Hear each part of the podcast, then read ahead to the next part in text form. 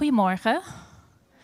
Oh, het is toch nog wel goed volgelopen. Ik keek straks even op. Denk, nou, het is nu wel echt vakantie uh, uh, deze week. Maar er zijn toch nog heel wat, uh, heel wat mensen. Fijn om jullie te zien. En ook wel leuk deze opstelling zo. Het wat speelser dan allemaal in rechte, rechte rijtjes.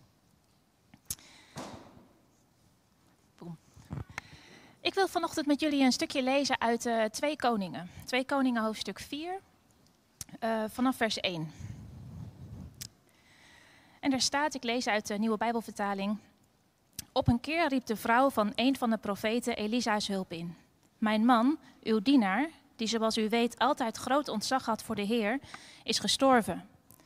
Nu zal mijn schuldeiser komen en mijn twee kinderen als slaven meenemen. Wat kan ik voor u doen? vroeg Elisa. Vertel me eens, wat hebt u nog in huis? Alleen een kruikje olie, heer, antwoordde ze. Verder niets. Toen zei Elisa: Ga bij uw buren kruiken en kannen te leen vragen. Lege, zoveel als u er krijgen kunt. Als u weer thuis komt, doe dan de deur achter u en uw kinderen dicht. En giet uw olie in die kruiken en kannen over. Telkens als er één vol is, neemt u een volgende. Thuisgekomen sloot de vrouw de deur achter zich. En terwijl haar kinderen haar de kruiken en kannen één voor één aangaven, goot ze de olie over. Gaandeweg raakten ze allemaal vol. Geef de volgende eens aan, zei ze tegen haar zoon. Maar die antwoordde: Er zijn er niet meer. Toen hield de olie op te vloeien. De weduwe ging terug naar de godsman en vertelde hem wat er gebeurd was. Die olie, zei hij, moet u verkopen om uw schuld af te betalen. En van wat er overblijft kunnen u en uw kinderen leven.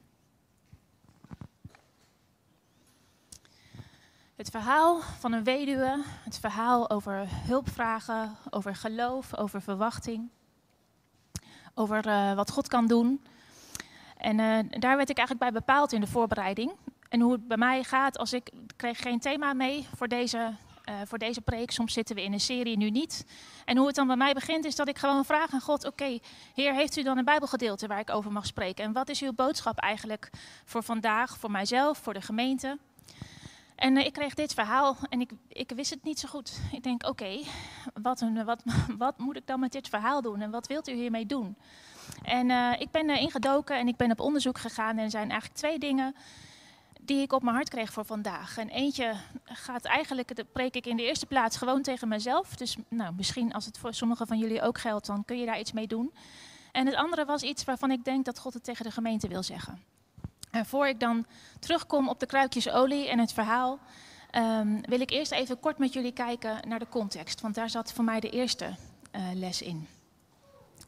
Ik hoor mezelf ineens veel harder. Horen jullie mij ook beter nu? Is dat oh? Oké, nou dan zal het, uh, dan zal het kloppen.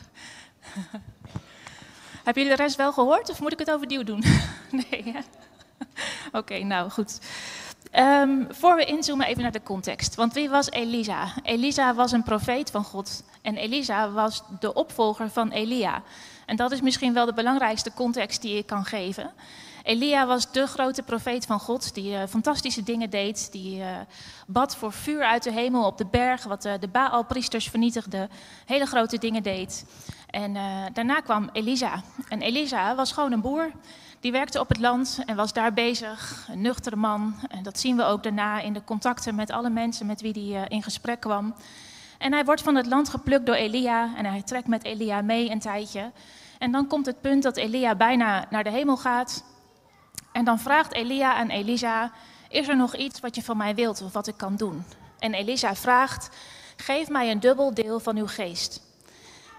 En Elia zegt dan: Ja, daarmee vraag je wel iets moeilijks. Maar als je ziet hoe ik van je weggenomen word, dan zal God ook geven wat je hebt gevraagd. En, en zo gebeurt het. En we kunnen dat teruglezen in 1 Koningen. Dat gaan we nu niet helemaal doen.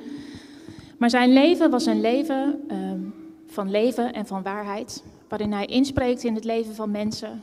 Uh, hele gewone, normale mensen, zoals deze weduwe. Maar ook in het leven van koningen, in het leven van belangrijke mensen. En uh, bijna altijd had hij heel persoonlijk contact met mensen. Um, maar tegelijkertijd uh, heeft de impact van de woorden die hij sprak wel impact in de hele maatschappij en in alles wat er gebeurt en in alles wat er speelt. Dus de, de kringen van de woorden die hij uitspreekt tegen mensen persoonlijk hadden verstrekkende gevolgen. En ik bleef nadenken over wat, Heer, wat betekent dat nou? Een dubbel deel uh, van de geest en een dubbel deel van uw geest. En ik moest even denken gewoon aan mijn eigen verlangen. Aan, uh, nou, ik denk dat het inmiddels heel wat jaartjes geleden is dat ik in deze gemeente in het interimteam stapte om te helpen, helpen nadenken over een aantal dingen. En dat vanaf het begin, maar dat is eigenlijk, heeft daar ook niks mee te maken, het is gewoon wie ik ben, is mijn verlangen naar Gods aanwezigheid gewoon heel uh, sterk aanwezig. Ik probeer in alles wat ik doe en in alles wie ik ben, gewoon heel dicht bij God te zijn. En mijn gebed voor deze gemeente is ook vanaf dat begin geweest van Heer, uh, wilt u komen met uw tegenwoordigheid, wilt u komen met uw geest en wilt u ons meer geven? En wilt u ons een dubbel deel geven van wat we al hebben gehad in de tijd van Kees en Ali, met de bijzondere tijden, in de tijd van Aard en Ali? Wilt u verder gaan en wilt u meer geven? En ik was daarover aan het nadenken de afgelopen weken, misschien ook wel na het afgelopen jaar, met alles wat gebeurd is en met de moeilijke dingen die er waren. En gevraagd, Heer, wat betekent het nou een dubbel deel? En we hebben met elkaar gedroomd en we hebben met elkaar gebeden en gevraagd om de bijzondere dingen van God die we graag weer terug willen zien in de diensten en de kracht van God en de kracht van de Heilige Geest. En daarvoor moesten misschien eerst ook wel andere dingen gebeuren. Maar God, alsof God antwoordde de laatste week, Annie, kijk maar eens goed. Wat betekent het dan, een dubbel deel? En zo ging ik kijken naar de verschillen die je in de Bijbel leest tussen Elia en Elisa. En ik ga ze niet allemaal uitwerken. En je moet er zelf maar eens over gaan lezen als je benieuwd bent in één koningen, in twee koningen. Sommige wonderen die Elisa doet, die lijken heel erg op de wonderen die Elia heeft gedaan. Maar als er voor mij één groot verschil was, dan was het dat Elia misschien wel de, de profeet was van de strategische grote dingen, van de, van de wijdse blikken, van de hele grote gebaren. En dat het dubbele deel wat God ging geven en de impact die God aan Elisa gaf, zat in het hele persoonlijke contact met de mensen. En bij Elisa begon het niet bij de enorme grote gebaren. Bij Elisa begon het in het contact met die weduwe, in het contact met mensen die uh, brak water hadden en geen vers water meer konden hadden. Met eten wat niet meer goed was, wat hij ging maken. Met het ene voorbeeld naar het andere voorbeeld, waarin Elisa Gods tegenwoordigheid eigenlijk heel dichtbij brengt in het leven van mensen zelf. En dat zette mij aan het nadenken. Het zette mij aan het nadenken over, over de gemeente, over hier, over hoe ik uh, uh, onze voorgangers ken, Kees en Ali. En ik dacht, nou, als ik een dubbel deel van Kees wil, dan zal het van zijn humor zijn misschien. Kees vertelde mij laatst, Aniek, als jij preekt, dan ga ik de volgende keer onder je preekstoel zitten. Dan ben je niet zo serieus. Dus ik denk, nou, dank je. Dank voor de feedback. Maar, uh, uh, maar zowel Kees en Ali als Aart en Ali hadden natuurlijk ook echt oog voor de, voor de mensen. En datzelfde zie ik bij en Isabel ook. Oog voor de mensen en oog voor het persoonlijke. En um, willen dat wat God in die ander heeft gelegd ook naar voren komt. En dat dat wat God in jou heeft gestopt, dat dat er ook uitkomt. En dat zette mij ook even stil. En um, toen begon God eigenlijk met de dingen tegen mij te zeggen die ik misschien niet zo leuk vond om, uh, om te horen. Want even los van wat je voor de gemeente verlangt, verlang je daar natuurlijk gewoon voor jezelf natuurlijk ook naar. En voor mij was dat verlangen heel erg uh, in de afgelopen tijd van Heer, ik verlang ernaar om dichter bij u te zijn. En ik was daarover aan het studeren en ik was in de Bijbel aan het lezen en ik hou van muziek, dus ik was veel muziek aan het luisteren en gevraagd aan God, hoe, ik mis iets van u, kan ik nog meer, kunt u nog dichterbij komen? En um, het was God zei van je kan wel elke keer de stilte opzoeken en proberen um, je af te zonderen en dicht bij mij te zijn, maar zo heb ik je toch niet gemaakt. Ik heb je toch ook gemaakt om tussen de mensen te zijn en om onder de mensen te zijn en om bij de mensen te zijn. En uh, gewoon daar je plek in te nemen. En misschien is dat wel de plek waar ik ook door jou heen wil werken. En uh, mijn geest wil laten zien en mij wil laten zien. En uh, op mijn manier door jou heen wonderen heen wil doen. En mezelf laten zien aan mensen. Maar dat vraagt ook wel iets. In ieder geval voor mij vroeg het iets. En, uh, ik vertel wel vaker iets over mijn werk. Maar ik, ben in, ik werk in een groot hotel. Inmiddels ben ik daar general manager, dus ik ben verantwoordelijk voor alles wat daar ruilt en zeilt en voor alles wat er gebeurt. En we hebben een team van nou, 280 mensen ongeveer, waar ik voor verantwoordelijk ben. En de eerste jaren dat ik daar werkte, had ik een rol aan de zijlijn. Ik was een soort adviseur, een soort coach. Vond ik heel fijn, want ik kon advies geven, ik kon projecten begeleiden, ik kon van alles doen. Maar ik was nergens voor verantwoordelijk. Dus ik, was, ik, was, ik voelde me wel verantwoordelijk en ik nam ook wel verantwoordelijkheid. Maar ik werd er niet op afgerekend. door mijn baas niet, maar vooral ook door de mensen niet en door de collega's niet. En vanaf januari werd mijn rol anders en moest ik ineens ook zelf gaan nadenken. Oké, welke leidinggevende wil ik dat we hebben voor onze mensen? Wat vind ik belangrijk om in het bedrijf te stoppen? En ehm, ik maakte daarin ook fouten. We hadden een leidinggevende ehm, die uiteindelijk gewoon niet de goede persoon op de goede plek bleef te zijn en uh, bleek te zijn. Die was nieuw, die heb ik uh, gebackupt. Ik dacht, ik moet ook achter hem gaan staan en uh, hem verdedigen naar de andere mensen, want hij moet de ruimte en de tijd krijgen om zijn plek te vinden. En uiteindelijk bleek dat wat hij zaaide in de teams en wat hij daaruit naar voren bracht, gewoon best wel veel schade toebracht. En ik zag dat pas heel laat. En misschien waren er wel signaaltjes geweest. Er waren ook wat collega's opgestapt. Maar ik denk, ja, soms om iets te veranderen moet er ook wat zijn. Uh, en het duurde heel lang voordat uh, het naar boven kwam dat het gewoon niet goed was. En ik pas de keus kon maken van, oké, um, daar moet toch wel iets gebeuren. En dan werd het zelfs nog bijna voor mij gedaan. Want uiteindelijk kon die persoon zijn draai bij ons niet vinden en uh, ging die persoon weg. En ik voelde me daar beroerd over. Um, en misschien nog wel het meest omdat de mensen in ons team het mij niet eens allemaal kwalijk namen. Maar ik dacht, ja, ik ben hier wel verantwoordelijk voor. En ik vind het lastig dat ik keuzes maak die zoveel impact hebben. Uh, waarin niemand je vertelt wat je moet doen, waarin je gewoon de lead moet nemen en maar moet gaan. En wie zegt nou of het goed is of niet. En dan heb ik de neiging om te denken, nou weet je wat, ik doe maar gewoon weer een stapje terug. Ik ga maar weer aan de zijlijn staan. Daar kom ik heel goed tot uit de verf, daar kom ik goed op mijn recht. Niemand die me dat kwalijk zal nemen, want iedereen denkt, ja, zo'n mooie analytische projectmatige rol, dat is ook echt wie Aniek is, dat past goed bij haar. Dat zal wel uh, goed zijn. Maar zo is het niet, uh, zo ging het niet. Ik ben gewoon op mijn plek gebleven, omdat ik dacht, ik ga er ook niet voor weglopen. Maar dat kost mij wel wat. Het kost me wat om zichtbaar te zijn en om te staan en om te delen. Uh, om gewoon te leven tussen mijn collega's, tussen de mensen. Waarin ze dus zien dat ik niet alleen iemand ben die luistert en die coördineert en die analyseert, maar die ook gewoon fouten maakt. En die dingen niet goed doet. En die het niet altijd allemaal onder controle heeft. En die uh, ook wel eens een dag echt zagrijnig is als ze niet goed genoeg heeft geslapen. En uh, dat niet altijd helemaal kan verbergen bij, uh, bij je mensen. En misschien is dat ook wel helemaal niet wat moet en wat God vraagt. Maar dat dacht ik wel. En ik dacht wel, het moet wel allemaal goed zijn. En het moet allemaal daar zijn en perfect zijn. En hetzelfde op een kleinere schaal gebeurde misschien ook wel een beetje in de kerk afgelopen jaar. Met de rol uh, die ik had in de adviesraad, waarin we iets meer op de voorgrond stonden. En het gaat me helemaal niet eens over wat hier goed of fout is, of uh, in het proces mis is gegaan of niet. Maar het gaat me even over dat dat ook wat met mij deed. En dat ik het best pittig vond om in zo'n rol te zijn waar mensen ineens iets van je vinden. En het niet meer alleen is Aniek die neutraal is en het luisterend oor is of wat dan ook, maar die ook fouten maakt. Of ergens iets van vindt waar je ook iets anders van kan vinden. Uh, en dan zie je soms de mensen nadenken, of sommige mensen zeggen het ook letterlijk tegen je. En dat is dan eigenlijk nog het prettigst, want dan weet je het tenminste ook. Maar dat kostte mij wel wat om op die plek te staan. En ik dacht, wat nou heer, een dubbel deel van uw geest, als dit is wat het kost, is best wel veel.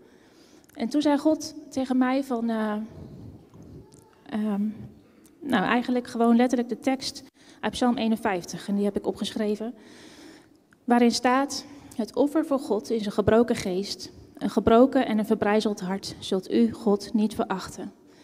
En dat is een tekst uit een psalm die gaat over David, die David heeft geschreven nadat hij overspel had gepleegd met Bathsheba. En die gaat over waarin hij God vraagt om een nieuw hart, om vergeving voor wat hij niet goed heeft gedaan, maar ook om echt een nieuw begin.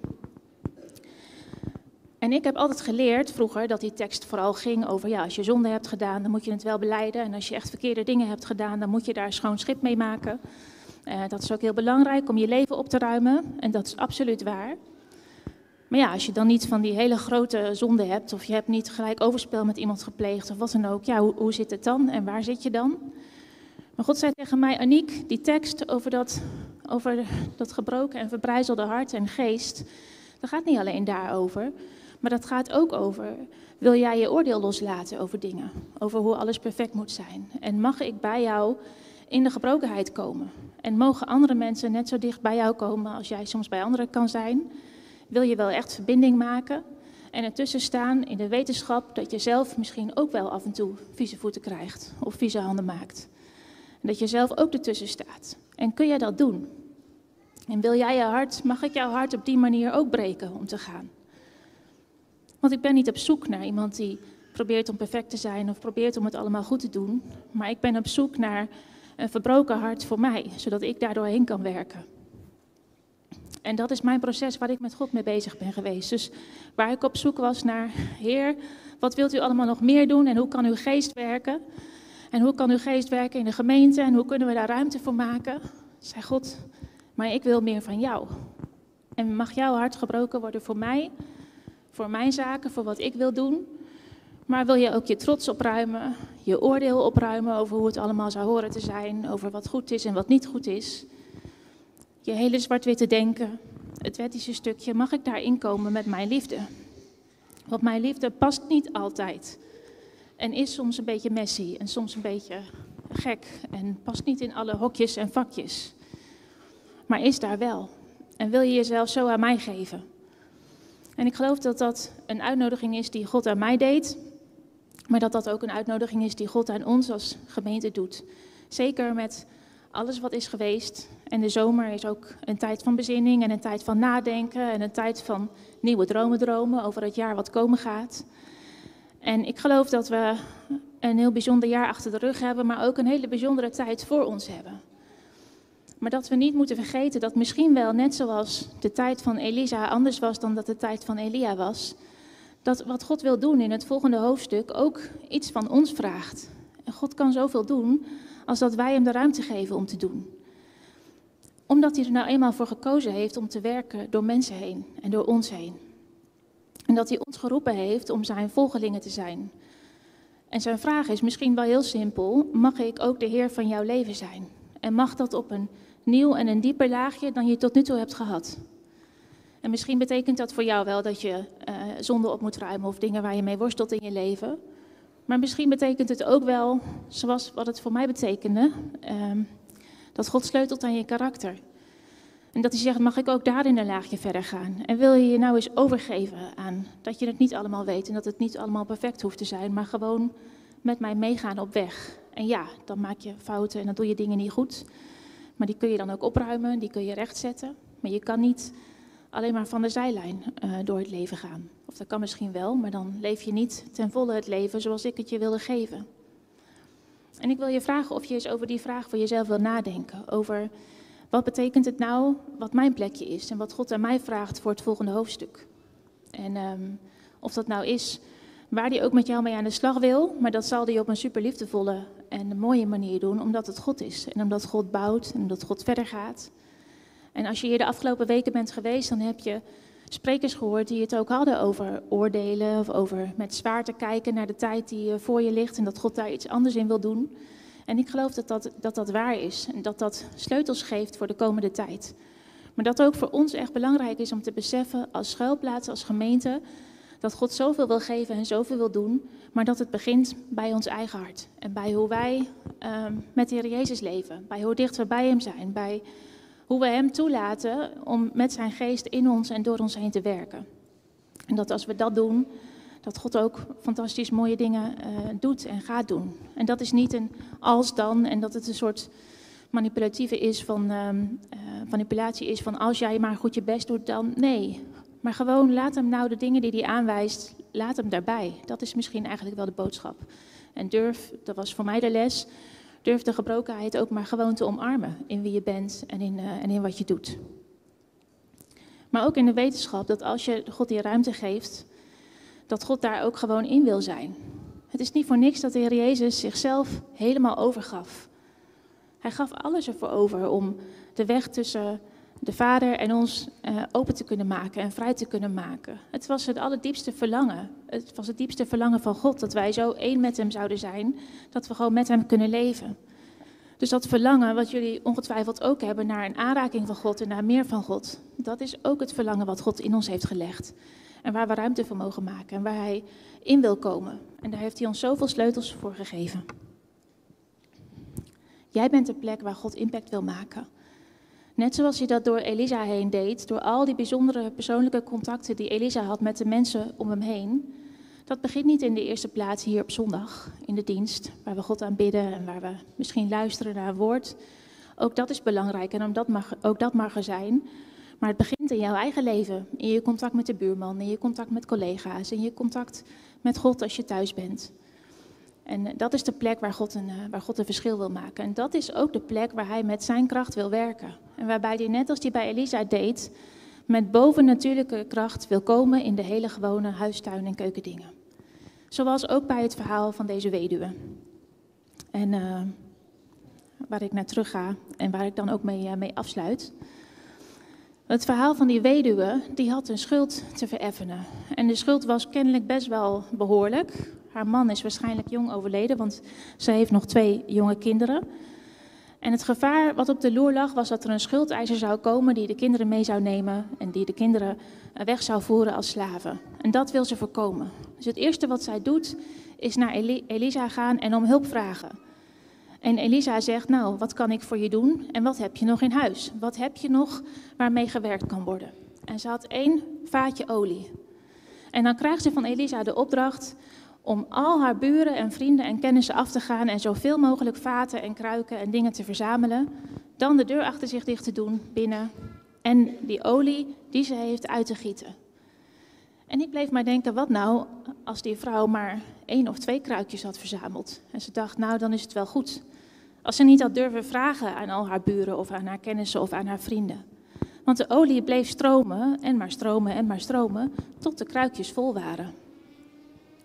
En dat zette mij ook aan het nadenken. Dat ik dacht, jongen, het lijkt zo'n gewoon verhaal. En ook als ze die kruikjes vol heeft, dan is kennelijk nog niet helemaal geland wat ze ermee kan doen. Want dan gaat ze terug naar Elisa en ze zegt, nou uh, heer, dit is er gebeurd.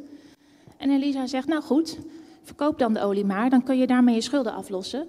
En dan heb je nog genoeg over om, om van te leven, samen met je kinderen, in vrijheid. En dat is ook wat God doet. Maar die dame, die weduwe, moest wel gehoorzaam zijn en zoveel mogelijk kruikjes verzamelen. Als ze maar twee of drie kruikjes had verzameld, had ze misschien een heel klein stukje kunnen aflossen. Of een klein stukje kunnen doen.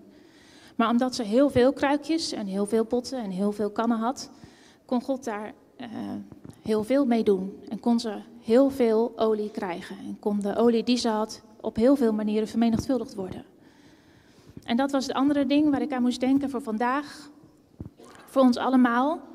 Maar ik moest ook heel specifiek denken toen ik aan het bidden was aan deze gemeente en aan alle mensen die hier alleen zijn. Of het nou is omdat ze weduwe zijn of weduwnaar zijn of ehm, een scheiding achter de rug hebben of een andere reden, wat er ook maar is.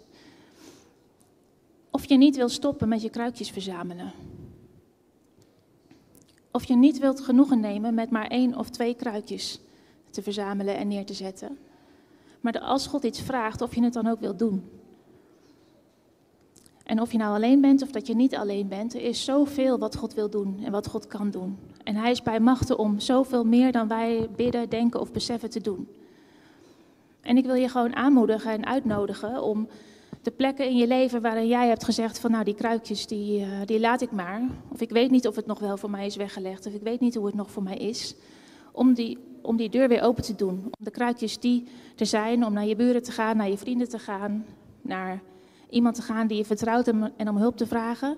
Om je dromen als het ware weer aan te zetten. Zodat dat wat jij van God hebt gekregen, zodat Hij dat ook kan vermenigvuldigen. Maar Hij heeft jou manieren gegeven om dat te doen, plekken gegeven om dat te doen. En beperk dat niet tot één of twee dingetjes. Misschien is er wel veel meer wat God wil geven. En uh, ja, daar wil ik eigenlijk gewoon mee afronden voor vanochtend. En dat aan je meegeven. En dat aan ons allemaal meegeven. Ik denk dat ik afrond met gebed. Als jullie ook je ogen willen sluiten. Heere God, Vader in de hemel. Ik wil u bedanken dat u uh, de grote God bent die zo dichtbij kan komen. Ik wil u bedanken voor de lessen die u in ieder geval mij gaf door het leven van Elisa heen. En dat u vroeg, mag jouw hart ook weer gebroken zijn voor de dingen uh, van mij? En wil jij je eigen dingen opzij zetten, zodat ik door jou heen kan werken? Heer, en ik wil ook echt bidden voor en ieder in deze gemeente, dat als dat ook voor ons geldt, als dat voor ons als gemeente geldt, dan bid ik dat u komt. En dat u op dit moment ook gewoon met uw geest door de zaal heen gaat en onze harten breekt voor de dingen van u. Heer, of u uh, ego's wilt opruimen, of u oordeel, oordeel wilt opruimen.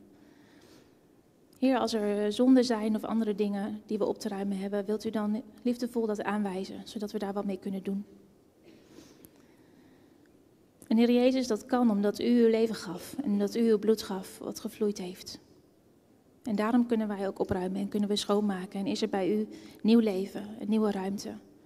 En Heer, we verlangen daar zo naar. We verlangen zo naar meer van uw geest en naar meer van uw ruimte en naar meer van wat u doet. Heer, ik verlang ernaar om uw, uw kracht te zien in het leven van die ene, in het leven van de mensen om me heen, in het leven van mezelf. En ik wil u bedanken dat u ervoor kiest om dat ook door ons heen te doen. En Heer, ik wil ook bidden voor dat andere stukje. Ik wil bidden voor alle mensen die hier zitten en het gevoel hebben dat ze na één of twee kruikjes misschien zijn gestopt om te vragen. En zijn gestopt met zoeken. En de deur wel hebben dichtgedaan, maar, uh, maar daar nog zitten. En ik bid dat u de deur open doet. Ik bid dat u de deur open doet en laat zien uh, waar ze naartoe mogen gaan voor meer kruikjes. Ik wil u bedanken dat u geeft in overvloed. En dat u een God bent die niet ophoudt om te herstellen en om te genezen, om te bevrijden, om ruimte te maken. Ik wil u bedanken dat u een God bent die denkt in generaties die altijd verder gaat. En ik bid gewoon dat u ja, harten weer aanzet en ruimte weer vrijmaakt. En dat wil ik ook gewoon uitspreken over deze gemeente en over al deze mensen. Dank u wel, Heer Jezus, dat u onze Heer bent en dat, uh, dat u ons in de ruimte zet. Amen.